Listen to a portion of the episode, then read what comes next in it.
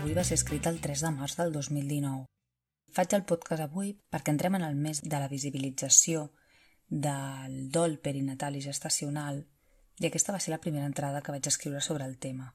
Un tema que em toca molt de prop i sí que és veritat que en aquesta primera entrada, com dic en la posterior que ja té l'episodi, que és dol gestacional i perinatal, considero que aquesta és una, una entrada hermètica i estèril.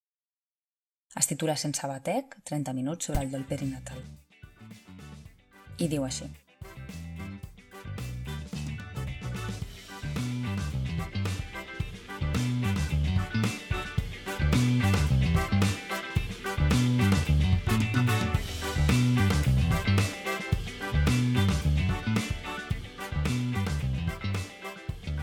Faig un parèntesi en la sèrie d'entrades del diumenge 1984 per destacar el 30 minuts de diumenge passat, sense batec. Cito. Com es pot assumir la mort quan s'espera la vida? El reportatge parla del dol perinatal, un dol viscut generalment en silenci. Tracta el tema des del punt de vista de les famílies, però també del personal sanitari que hi conviu diàriament. La mort perinatal es considera aquella que té lloc durant la gestació i el primer temps de vida un cop el nadó ha nascut. Donem més temps per un permís de matrimoni que per un funeral, diu Begoña Roman, professora de filosofia de la UB. Parlem de 2.500 morts perinatals a l'any. Moren 6 nadons al dia a Espanya. Primer trimestre. Mentre veia la primera part del reportatge pensava que no parlava del meu cas, o del de tantes dones que conec i he conegut aquests anys. I fins i tot m'assaltava el pensament Clar, però és que els teus van ser molt aviat. I llavors apareix la Natàlia Artigas, psicòloga de l'Hospital Trueta de Girona, i diu Cito, penso que, en general, s'intenta minimitzar sempre el dolor de la pèrdua de l'embaràs, però com a sobre sigui un embaràs de primer trimestre, aquesta falta de reconeixement és molt més present. Llavors és quan et trobes comentaris de l'entorn com «no passa res, sou joves, en uns mesos en tindreu un altre». Com diu la Begoña Roman, quan es fan aquests comentaris no s'està escoltant el dolor d'aquella persona, se l'està ferint. Cito, quina relació més gran que la que s'estableix amb una persona a la que jo li volia donar vida i la vida no ha volgut que fos possible, diu Begoña Roman. La culpa.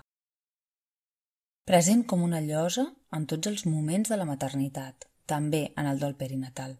Per què ha passat? Què he fet malament? Potser va ser aquell dia que vaig menjar allò, o aquell altre que vaig carregar massa pes?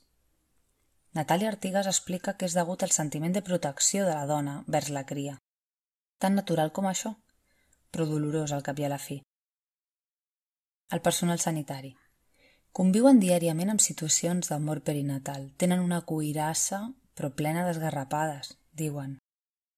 Fins i tot acompanyen els petits en els seus últims moments si la família no es veu amb forces de fer-ho o no vol per la raó que sigui. Cito.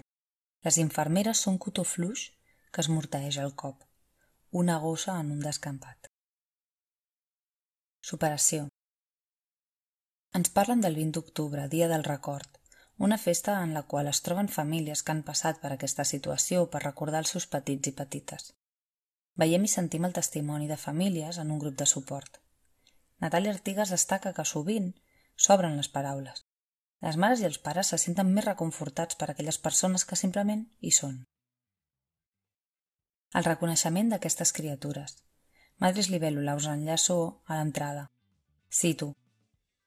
Plataforma para la dignidad del nasciturus fallecido y sus familias. Las madres libélulas son algo más que mamás mariposa, se levantan con el puño en alto para defender el honor de sus hijos ante la ley, por razones de justicia. Son madres decididas, sin miedo, madres que saben hacia dónde se dirigen.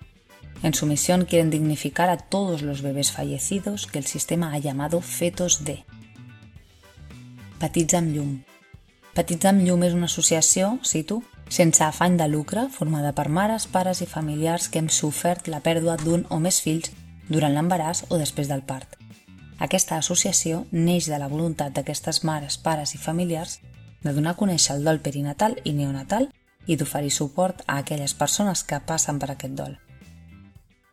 Us deixo també a l'entrada el reportatge que està a TV3 a la carta, sense batec. I ja és divendres. Bon cap de setmana.